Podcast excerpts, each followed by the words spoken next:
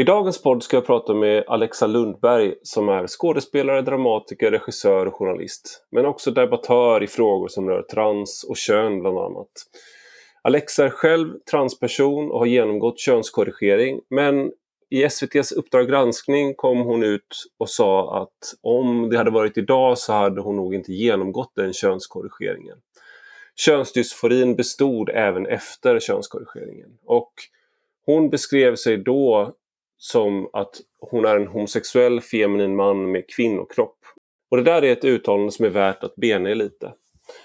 Alexa Lundberg har även berättat att hon själv har mött kritik och blivit utesluten ur en grupp för transpersoner i sociala medier. Eh, men samtidigt som det har skett så känner hon sig idag friare och hon slår ett slag för komplexitet. Eh, och det tycker jag är värt att plocka upp för att Alexa Lundberg är inte en person som är så lätt att eh, placera i något fack i, i något avseende egentligen. Så nu till dagens gäst.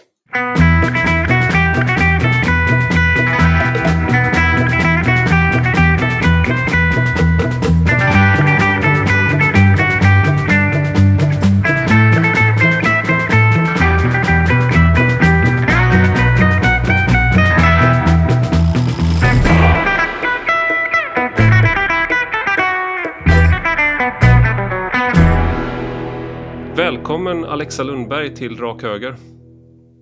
Tack så jättemycket.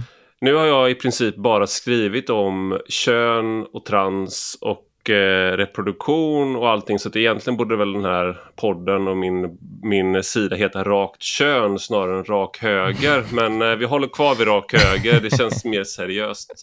Eh, ja, men det är bra. Ja, men... Då kommer jag med en eh, vänsterkrok här då. Ja, bra. det behövs.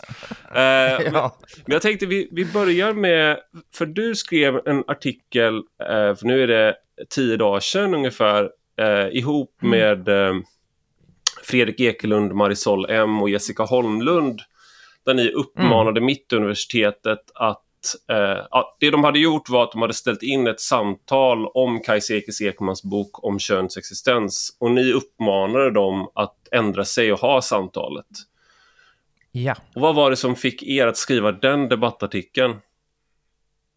Ja, eh, det var en eh, diskussion som jag hade haft på Facebook faktiskt. Jag hade delat eh, en DN-artikel om att eh, Kajsa Ekis Ekman eh, och hennes bok Samtalet om den, att det hade blivit inställt eh, på Mittuniversitetet. Eh, och jag tyckte det var en märklig hållning från ett universitet att ha. Att, jag menar, oavsett var man står någonstans i debatten, oavsett vad man tycker i frågan, eh, alltså akademisk frihet är ju grunden, va? yttrandefriheten är ju grunden i akademin. Eh, jag förstår såklart eh, om NMR hade kommit in och krävt att man skulle få prata om hur man bäst kan utrota judar. Det hade jag såklart förstått om de inte hade tillåtit på universitetet. Men Kajsa mm. Ekis Ekmans bok är inte ett hot mot mänskligheten. Det är inte förslag på att avskaffa mänskliga rättigheter, även om det ibland finns en retorik eh, där man försöker framställa det som så. Jag som själv är transkvinna hävdar att jag hittar ingenting sånt i hennes bok. Jag håller inte med om allt, men jag håller med om väldigt mycket. Och framförallt så tycker jag oavsett mina egna åsikter så tycker jag att i ett demokratiskt land, där måste vi kunna få prata om frågor som även de som är känsliga och svåra och där vi tycker olika liksom. Eh, och det blev ju väldigt tydligt på min Facebook-sida att det här var ett brännhett ämne. Man försökte ta till det ena demokratiska argumentet efter det andra, hur det här på något sätt var hat mot transpersoner eller att det fanns risk för att hat mot transpersoner skulle lyftas på eh, det här eventet. Och jag, jag kände att det här de här argumenten håller inte. Eh, jag menar, jag tycker absolut att ni ska föra fram vad ni tycker om boken, på det här seminariet eller ett annat seminarium. Men jag förstår inte varför ni lägger så mycket krut på att samtalet inte ska få hållas. Eh, och Fredrik kom ju såklart in i mitt kommentarsfält och vi hördes eh, vid sidan av och, och liksom kom fram till att det här är en viktig principfråga som vi eh, vill lyfta på ett annat forum än bara sociala medier. Liksom. Så Just det, och du, då valde vi att ja. skriva. Och du är, eh, vi ska återkomma till vad du, vad du kallar dig själv, eh, men jag tänkte du, du Fredrik Ekelund, Marisol M och Jessica Holmlund, ni är alla tre eh, personer med transerfarenhet tror jag ni, ni, ni skriver. I, alltså, mm. så att på något sätt så är det, det som jag reagerade på positivt på var att det var just ni, nu, nu blir jag identitetspolitiker här då, men för att annars skulle man ju då, om man skulle vara fördomsfull, skulle det vara ni som så att säga skrev debattartikeln vi kan inte ha Kajsa Ekis Ekman på Mittuniversitetet för att det skapar en hatisk eh, mm. stämning mot oss som transpersoner. Och så gjorde ni tvärtom. Mm. Så att ni, mm. ni, så att säga, ni gick emot eh, vad man ska kalla om fördomen mot hur ni borde ha reagerat där. Eh, mm. Varför, alltså, för, och det är väl, var det det då, i den här diskussionen på Facebook eh, så var det med andra ord andra transpersoner som upplevde motsatsen då. För det argumentet är att Kajsa Ekis Ekman med sina argument eh, gör att transpersoner eh, inte får eh, vara en del av, så att säga en transkvinna får inte vara en del av den kvinnliga gemenskapen. Hon är en transexkluderande mm. feminist då.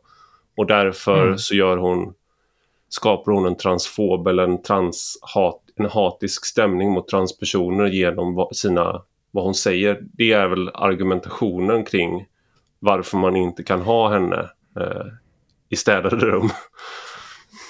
Precis, ja men precis. Eh, och eh, det, det, är ju inte bara transpersoner egentligen, utan det är ju väldigt mycket transaktivister och allierade feminister som är i den här debatten eller vad man ska säga, och som också kommenterade i mitt kommentarsfält. Eh, för att de flesta transpersoner, de försöker ju bara leva sina liv, liksom. Eh, mm. hur de än är, liksom. Om det är transsexuella som har gjort en korrigering, eller om man kallar sig för icke-binär, oavsett, liksom. Så de allra flesta är inte på barrikaderna, men några är ju såklart det. Men eh, skulle bara vilja vara tydlig med det, liksom att när jag säger transaktivist, då gör jag en distinktion mellan transpersoner och folk som för en aktivism då, som man menar ska främja transpersoners eh, lika värde.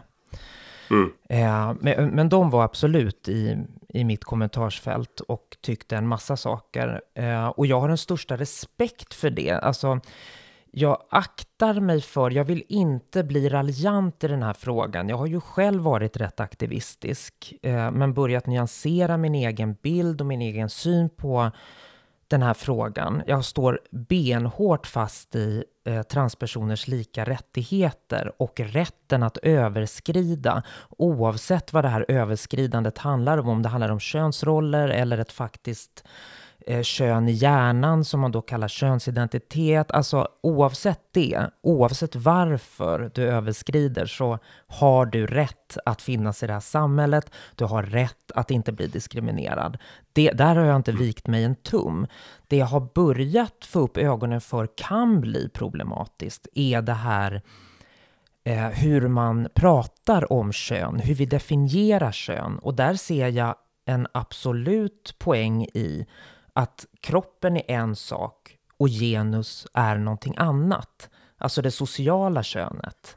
Eh, det är inte mm. oviktigt, men det är någonting annat än det kroppsliga könet. Och jag har också börjat omvärdera varför det är så viktigt att till varje pris säga att jag rent biologiskt, med könsidentiteten då, eller vad det nu är man menar är biologiskt, eh, att jag skulle vara kvinna biologiskt eh, och inte en mm. biologisk man jag menar, där börjar man ju liksom att sudda ut eh, en linje då mellan kroppslig man, kroppslig kvinna som inte jag riktigt fattar poängen med faktiskt.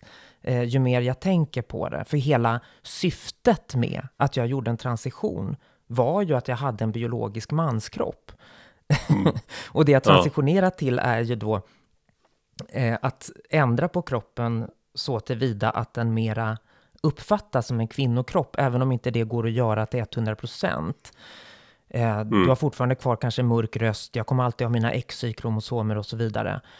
Eh, men liksom, jag förstår inte varför det skulle vara problematiskt att benämna det. Att jag är en biologisk man, liksom så, längre.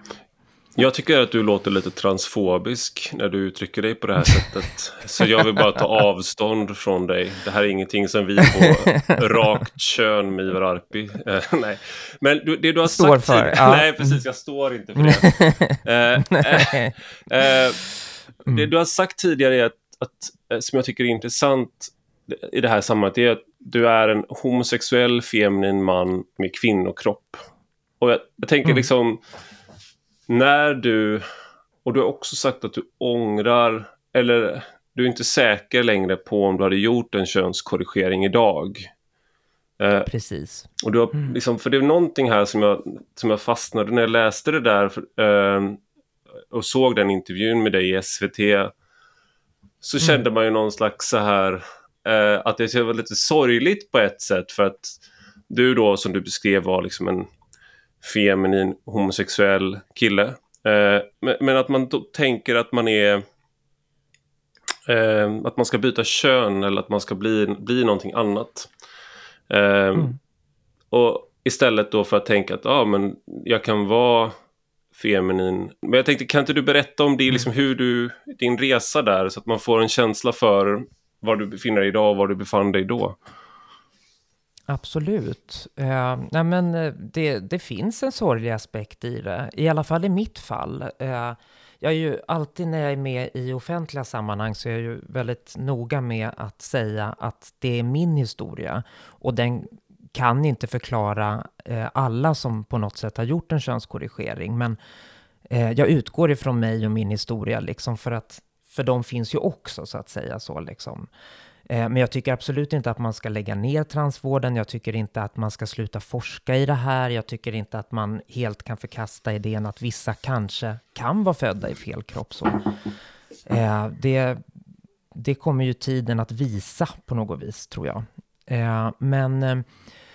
Eh, och när vi vet mera, eh, inte minst, forska fram nya fakta och så vidare. nej, men Eh, det, det, finns absolut i min historia en lite sorglig del. Eh, jag hade ju varit väldigt feminin som du sa och eh, jag brukar kalla det för att jag har en bruten handled i mitt DNA. Eh, och när vi växte upp, eh, du och jag Ivar, på vår tid så att säga, då var det väldigt ja, men fel. Eh, speciellt när man gick i högstadiet och en bit in på gymnasiet, liksom att vara bög. M mitt första minne eh, från den, eh, när jag, jag, bytte skola när jag började högstadiet. Eh, och våran första eh, gympalektion tillsammans så sa en av de här tuffa killarna i omklädningsrummet eh, liksom försökte att komma fram till att ja men hörni, tycker vi inte alla att det är lite äckligt med bögar ändå alltså? Och då hade de inte lärt känna mig riktigt än, så jag fick ju panik. Men jag är ju en person som inte har kunnat gömma undan min femininitet. Jag har inte kunnat gömma undan min homosexualitet. Så den här berättelsen som många bögar har, liksom att de liksom försökte vara grabbiga en tid, det gjorde aldrig jag. Jag var extremt feminin. Eh, och de upptäckte ju snart då att det här är ju inte någon vi kan umgås med för att då kommer vi väl alla att bli kallade för bögar liksom. Så att de gjorde ju eh, det deras självbevarelsedrift sa åt dem, liksom att håll den här bögen på långt avstånd. Jag blev mobbad såklart. Eh, ja, utburen i gympasalen utan kläder. Alltså, du vet, de här klassiska mobbningsgrejerna. Eh, och så hade jag en eh, eh, homofob farsa också på det här. Så att eh, det, ja, det var mycket, jag, jag, bar på rätt mycket självhat, eh, internaliserad homofobi. Eh, så när jag var 17 och förstod att min, alltså det är ju inte hela sanningen, det är ju en del utav eh, vad som gjorde att jag kände att wow, jag kanske kommer att trivas och må bättre om jag gör en könskorrigering. Eh, men ehm, för jag hade ju också velat vara flicka under hela min uppväxt och jag hade fantiserat om att få vara en prinsessa som jag kallade för, eh, för Aurora. Eh, jag hade liksom alltid föredragit smink och liksom feminina kläder, även om jag sällan fick ha det på mig och sådär va. Mm. Så när jag först kom ut som bög, då levde jag ju ut allt det där. Mm. Och bara ett år senare så träffade jag ett gäng transsexuella tjejer i Pride Park och jag förstod att wow, det går, för de var sketa snygga du vet, med stora silikontuttar rakt upp i luften, liksom höga klackar, jättelångt hår och jag bara det här som jag har drömt om i hela mitt liv, liksom. Det, det kan bli sant. Så att i mitt medvetande var det ju inte, eh, åh, jag hatar att vara bög så mycket så att jag, jag gör det här istället. Nej. Men nu i efterhand, 20 år efter att operationen gjordes. För det här var 98, då, då var du 17 år. Där du ja, var i... eller 99. Ja, det var då du var i Pride. 98 eller var det 99? Okej, okay. jag, jag, jag, vet att jag ja, läste Ja, precis. Ja. Jag kom ut 98 ja, så eh, till Europride. Ja. ja. Och, och, så var jag ändå bög ett år. Så. Mm. Eh, men 99 då när jag kom i drag och var mitt drag-alter ego liksom och trippade mm. runt där. Då träffade jag de här transsexuella tjejerna. Mm. Och, och förstod att det är någonting mer med mig. Det är inte bara att jag är bög och partydruga som jag kallar det för, utan jag är någonting mer, någonting större nästan sådär liksom. Mm. Um, Men sen har du då i efterhand så har du tänkt att det kanske inte var eh, att det kanske hade att göra med den här som du har kallat internaliserade homofobin då. Mm. Ja, absolut. Eh, och det, jag skulle nog säga att den största insikten jag fick, att eh, det kanske inte hade hjälpt mig till 100% att göra de, här kroppsliga ingreppen, det var när jag gick på scenskolan faktiskt. För då fick jag en uppgift att jag skulle gestalta en eh, manlig karaktär. Och jag fick panik eh, och sa först till min eh, lärare då liksom att det här tänker inte jag göra, det här väcker jättemycket jobbigt i mig. Och hon förstod mig till 200 procent och sa att nej men sitt och titta den här lektionen istället. För att hela lektionen gick liksom ut på att vi skulle gestalta könsöverskridande, liksom att killarna var tjejer och tjejerna var killar. Eh, och ja, jag blev ju glad såklart att hon tog mig på allvar, eh, att hon förstod. Så jag satte mig då på en bänk i eh, teaterrummet och kände efter bara 5-10 minuter när jag tittade på mina eh, kamrater, mina klasskompisar, eh, att nu är det ju jag. Nu är det ingen annan som sätter mig på avbytarbänk. Nu är det jag som sätter mig själv på avbytarbänk. Nu är det jag som säger att jag inte ska vara med i undervisningen av olika skäl sådär. Mm. Så att då ångrade jag mig faktiskt, eh, lite rebelliskt, och gick upp på golvet och fick en uppgift. Eh, att själv då spela en snubbe som mobbade andra liksom. Eh, och eftersom det var en genuslektion, vi skulle, eh, då skulle vi också ta ut våra eh, könsroller och eh, överdriva de här eh, taskiga snubbarna liksom så. Mm. Och när jag gjorde det, eh, det här kanske låter lite konstigt, men när jag tillät en sån överdriven maskulinitet få ta plats i min kropp så förstod jag att det där var någonting jag hade börjat förtrycka istället. Min femininitet hade fått ta plats. Men min maskulinitet, eh, maskulinitet hade fått ställa sig i bakgrunden. Och jag menar, vi människor är ju komplexa. Vi är inte 100% feminina eller 100% maskulina. Eh, och, jag, och jag kände också då att nu har jag en kropp där man inte förväntar sig de här uttrycken. Nu, nu har jag en kropp där folk till och med hajar till om jag använder hela mitt röstregister. För på scenskolan är det ju så liksom att du ska höras längst bak i en stor salong. Eh, det här är verktygen du kan använda, så här kan du liksom maximera den röst som du har. Mm. Så när jag liksom fick lära mig att utveckla min faktiska röst och ta bort lite av det jag hade lärt mig för att liksom höja eh, röstregistret så att jag låter mer som en kvinna och prata mm. lite tystare så att ingen, ja du vet, hela ja. det köret liksom. Eh, och folk hajade till, va? Och jädrans vilken röst du besitter. Mm. Alltså det, det gick bara upp för mig liksom att ja, men jag har den här rösten, jag har de här resurserna.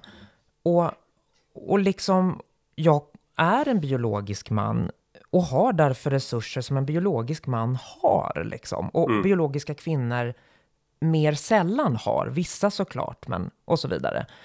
Eh, men... Det, det, det är väl det här som är, när du är inne på det här med att du är liksom, för det, det, är ju det här då, man, man föds, man har en biologisk kropp eh, och sen så finns det liksom olika sätt att se på trans där man kan tänka att man jag, jag har ett, liksom, ett citat som Kajsa Ekis Ekman har tagit upp i sin bok är från eh, eh, den spanska eh, transsexuella tv-stjärnan La Veneno som eh, ja, avled och 2016. älskar La Veneno.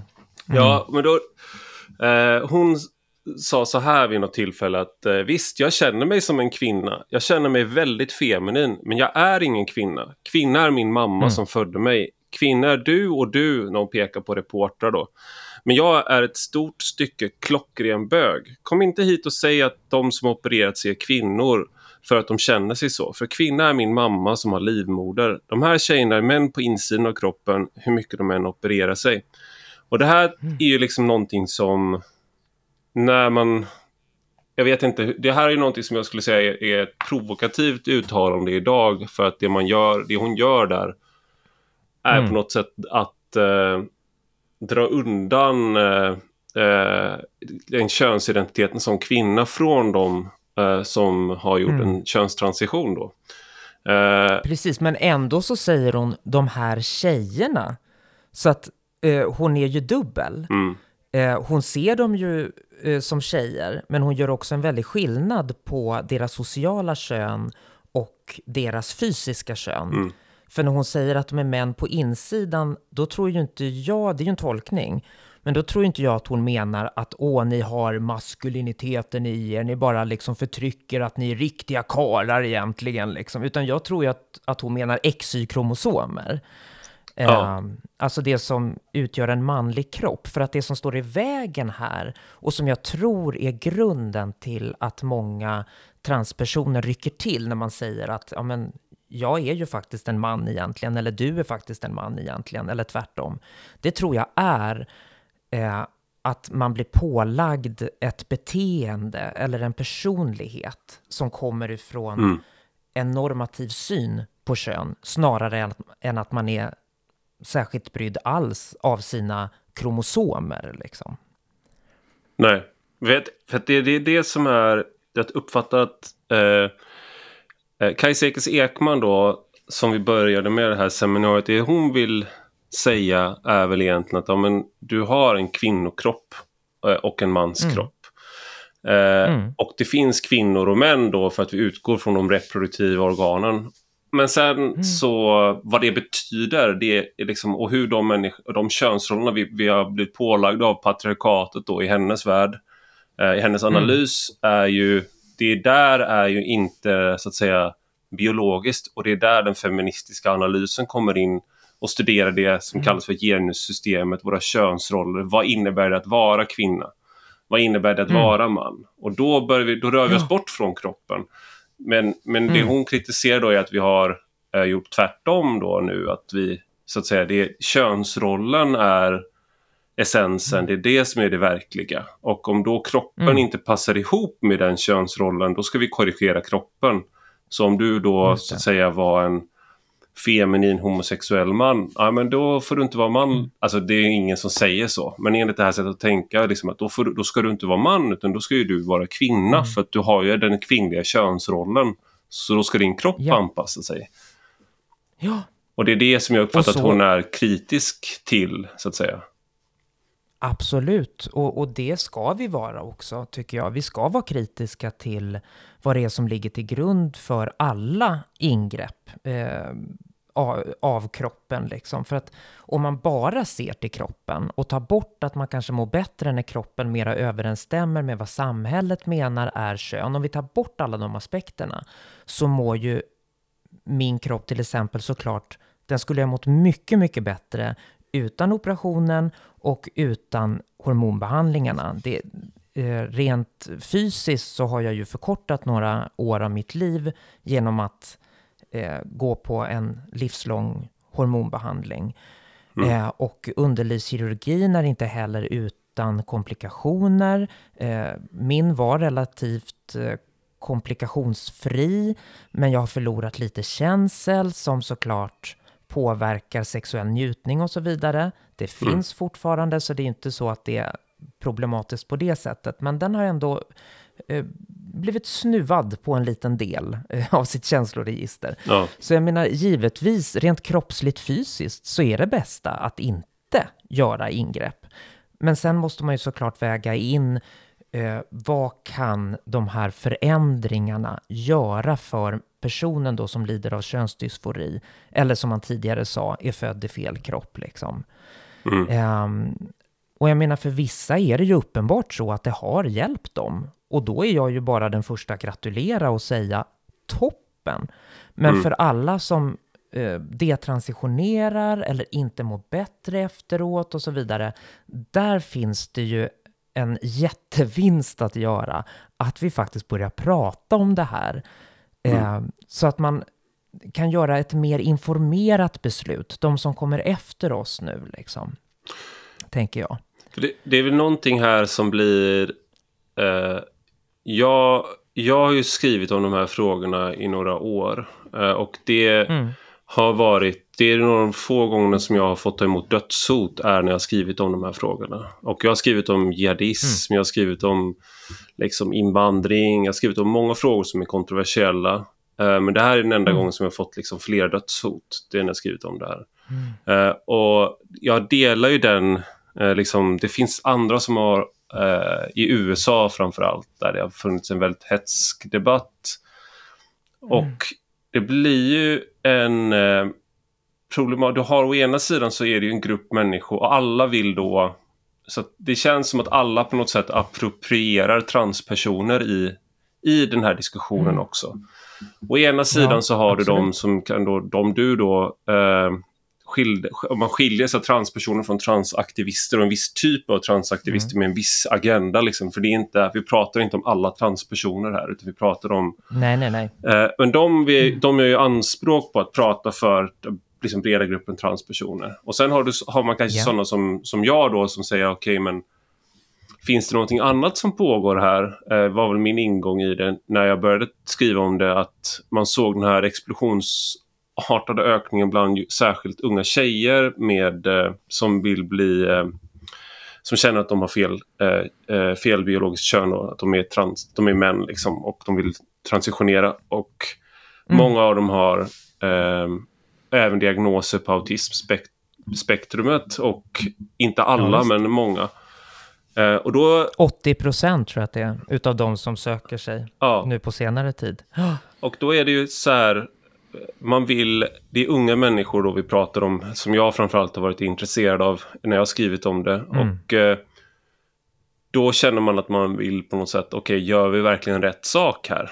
Eh, och, ja. sen, eh, och sen kanske man har då feminister som vill, eh, så att säga, skydda det kvinnliga subjektet, så att säga, sin mm. rörelse på något sätt. Då, att vi är kvinnor, vi är inte livmoderbärare och sådär. Men alla är, mm, mm. alla är liksom transpersonerna står liksom i mitten här och dra, alla drar i transpersonerna så att säga. Um, Exakt! Det ja. tycker jag är en väldigt bra bild, för så känns det verkligen. Mm. För att liksom vi som är transpersoner, vi har aldrig varit överens om den här frågan. Mm. Uh, jag var med i en uh, grupp som hette KIM, typ 2012 eller 2013, innan den här frågan blev så stor.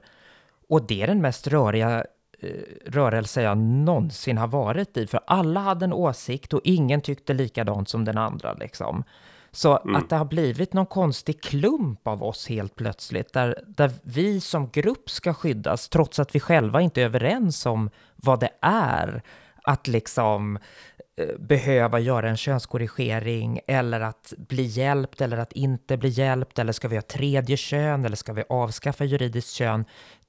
Det är egentligen en jätte jättekonstig eh, fortsättning, vad heter det, utveckling. Mm. Eh, och eh, men det här är någonting, alltså jag kan ändå förstå att det har hänt, för att jag tror att folk går in med sitt eget så mycket. N när jag var som mest aktivistisk, jag har ju liksom skrivit mot både Åsa Linderborg och Kajsa Ekis Ekman, inga taskiga texter, men ändå jag har gått i polemik. Mm. Och eh, förstått med tiden ändå vad de försöker säga och nyanserat min, min, i mitt eget huvud. Och någonstans fick jag ju verkligen upp ögonen när Uppdrag granskning visade de här detransitionerade eh, och att den här Mika-personen då inte vågade visa sitt ansikte. Då, då kunde ju inte jag blunda för det längre. Att det. det finns uppenbart ett problem här. Även om det inte gäller alla så gäller det några och då måste vi såklart prata om det. Mm. Och hon, Så- hon Mika då eh, var anonym då, det är inte hennes eh, riktiga namn. Eh, Nej. för att eh, hon var rädd för reaktionerna om hon gick ut Ja. med det hon sa. För att hon skulle Ja. så att säga, hon ångrade sig då, eh, ångrade Mm. sin transition och eh, då skulle det kunna uppfattas som ett svek mot Mm. eh, trans, eh, transrörelsen eller, eller vad man ska kalla det. Har, har du Mm. mött det där också då? För du var ju, gick ju ut med, liksom, och du var ju, ställde upp på intervjuer. Eh, Absolut. och, eh, Jag, jag känner ju fortfarande en rädsla när jag sätter mig eh, framför micken eller framför en tv-kamera och pratar om det här liksom. För att, eh, men jag är, rädd, jag är inte så rädd för transaktivisterna, jag är mer rädd för att gå med. Du vet, för att så fort någonting lyfts upp, ja du vet ju hur medialogiken fungerar, så kommer man väldigt snabbt ifrån det mänskliga. Och är det någonting som hakar sig fast, eh, och det blir folkstormar eh, och folk i grupp blir förbannade, eh, så kan det ju gå åt andra hållet också. Jag vill ju snarare att pendeln ska hamna någonstans i gråskalan. mm, Eh, det är mitt mission i alla fall med att försöka nyansera. Eh, men det är klart att jag fortfarande är lite rädd för att den ska slå över åt ett väldigt konservativt håll igen. Liksom.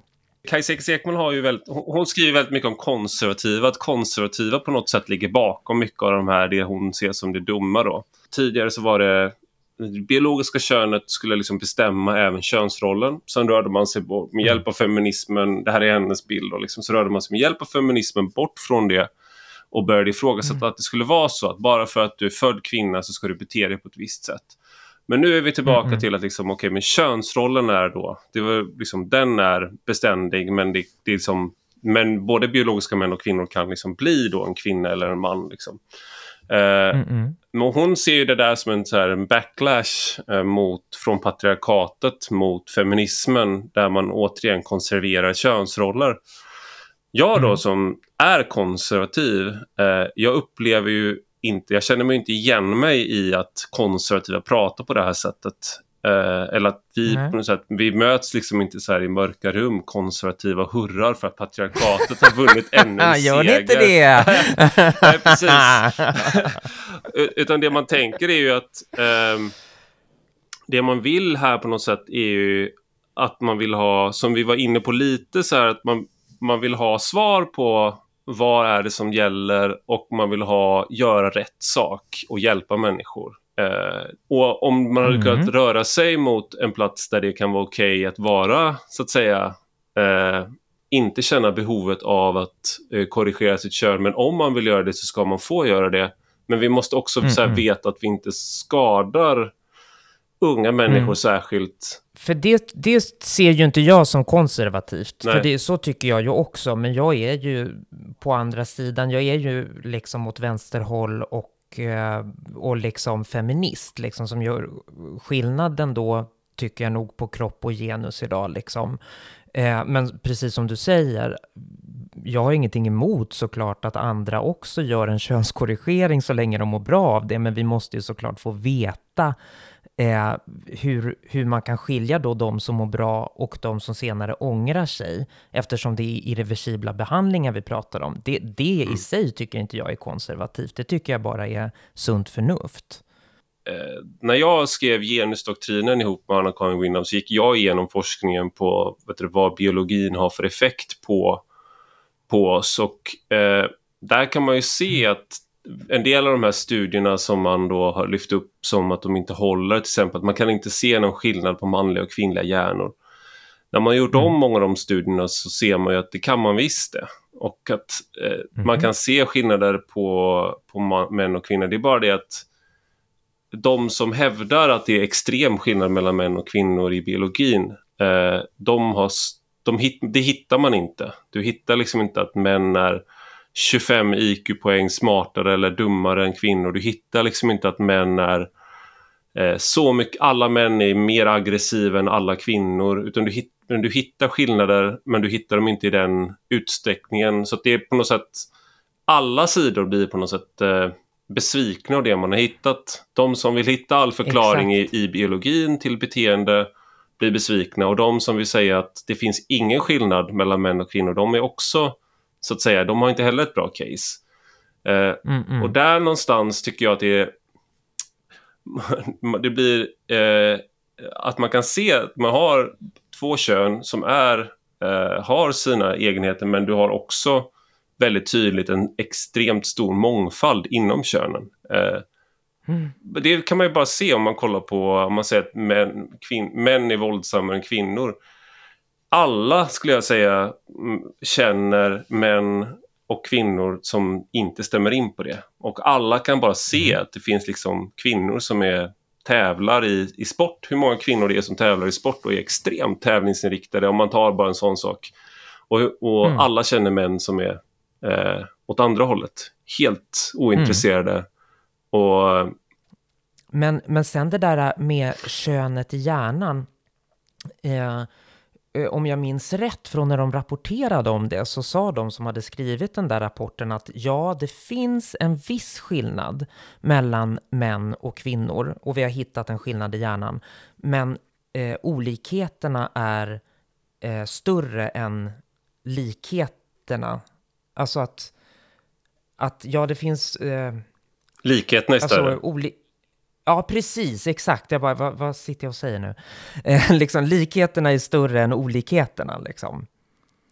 Mellan hjärnorna. Och att mm. liksom olikheterna inom gruppen män och olikheterna mellan gru i gruppen kvinnor är större än att det skulle vara att vi på gruppnivå är så otroligt olika varandra som män och kvinnor, liksom normalfördelningskurvor då, att om du har till exempel vissa karaktärsdrag som är vanligare hos, hos män som grupp.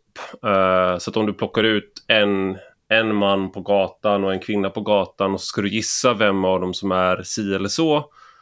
Om du gissar mm. hundra mm. gånger så kommer du ha mer rätt om du säger till exempel att den här kvinnan är, gillar barn eller så här, mer omvårdande eller något sånt där. Men det kommer inte vara så stor skillnad. Du kommer ha fel ungefär eh, liksom 45 gånger, liksom, eller så här, eller, mm. Men du kommer, man kommer komma närmare. då i de här extrem... Om man kollar på till exempel eh, de mest våldsamma personerna i ett samhälle så är det nästan alltid män. Det betyder inte att gruppen män mm. alltid är så våldsam. Eh, utan det betyder Nej. bara att på grund av att det ser ut så att liksom, normalfördelningskurvorna är flyttade till höger eller vänster så att säga. Så ute i svansen mm. så gör det skillnad. Så att du har liksom extrem, mm. i de extrema beteendena så gör det skillnad. Um, mm. Och det, där, det är där då det kan bli konstigt också när man pratar om till exempel då stjärnprogrammerare, entreprenör, personer liksom. De är ju inte mm. representativa för män, men de har de här liksom, klassiskt manliga dragen uppskruvade, liksom, upphöjda i tusen. Och det finns mm. inte supermånga av dem, men de är liksom, det är fler sådana kanske som är män. Mm. Så man, bor, man drar både för, för små och för stora växlar på vissa av de här forskningsresultaten om jag har förstått saken rätt. Men det här gör ju då mm. också att man begränsar vad man kan, om man är likhetsfeminist till exempel, att män och kvinnor, vi ska, vara, vi ska bli likadana eller vi är likadana. Och så ser man hela mm. tiden hur det inte blir så. Då, måste, mm. då söker man ju svaret i, i strukturer och i liksom, kulturen. Och jag tror att det där är en kulturen är en väldigt viktig del av svaret. Eh, Det tror jag också. hellre än hjärnan i sådana fall. Liksom. Alltså små skillnader kan man säkert hitta, små liksom, biologiska förklaringar finns säkert att dra här och var. Men jag tror ju att den absolut största orsaken till att vi ser eh, ojämlikhet, eh, ojämställdhet och så vidare har med, en, med kulturella normer att göra. Liksom. Men just den där grejen, eh, om man ska gå på den linjen att könet ändå någonstans också sitter i hjärnan och att det har skillnad för beteende eller fallenhet och så vidare, då har man ju också ett case för eh, att göra en transition. Mm. Eh, för det är ju vad man hävdar i, eh, inom transvården i alla fall, att könsidentiteten förmodligen sitter i hjärnan och eh, av den, vi, vi, kommer aldrig kunna ändra på någon hjärnstruktur. Däremot så kan vi ändra kroppen så att den bättre då stäm, stämmer överens med den där inre identiteten som styrs av hjärnan. Liksom. Mm. Så om man går på den linjen, eh, då har man ju också ett case för eh, att propagera för att vissa behöver få göra en fysisk transition till exempel. Mm. Um, men det är då ett case så att säga mot att man kanske... Det, det beror på om man kan hitta den där könsidentiteten uh, på det mm. sättet. Sen, där, det, här, det här är ju oerhört uh, komplext och det gäller att hålla tungan rätt i mun. Inte för att man är rädd men för att det är lätt att det blir fel. Men att man har ja, samspelet mellan uh, kulturen och det biologiska är ju det som, som antagligen är där liksom, någonting skruvas upp och mm. någonting skruvas ner och så är det vissa individer mm. som inte passar in. Men bara sådana här saker som jag tycker är intressant om man kollar på fotografier på unga män för hundra år sedan som håller varandra i handen eller att de sitter i varandras knä och liknande. Att de har en mycket större fysisk närhet med varandra. Eh, och att mm. man hade väldigt mycket gosskörer, manskörer eh, och mm. liknande. Och det där är mm. ju en typ av liksom, helmanlig aktivitet som å ena sidan utesluter kvinnor på ett otidsenligt sätt. Så att det är mm. liksom för så att säga patriarkalt i det avseendet. Eh, mm. Men samtidigt är det för fjolligt med våra normer. Så att det är liksom, eh, för du, liksom, det är för mycket fysisk närhet, för mycket nära vänskap mellan män, att liksom ha för mycket känslosam eh, relation med varandra. Så att det blir liksom mm. bögigt med liksom vår samtida kultur. Du ska snarare vara då, du ska mm. inkludera kvinnor men du ska också vara mer macho än vad de var då. Absolut. Så här, jag, jag är ofta så att säga Transfobi är ju både ett ord som missbrukas till exempel då man använder det till exempel då för att ställa in ett seminarium med Kajsa Ekis Ekman.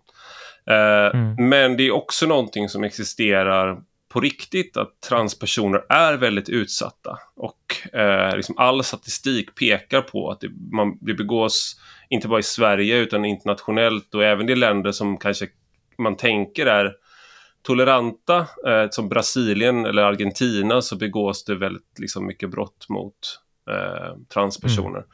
Så jag tänkte, mm. skulle du kunna hjälpa till lite där? Vad, hur ser det ut egentligen med transfobin? Det är liksom det här både och där. Hur, hur utbrett är det? är det? Hur mycket märker man av det och sådär?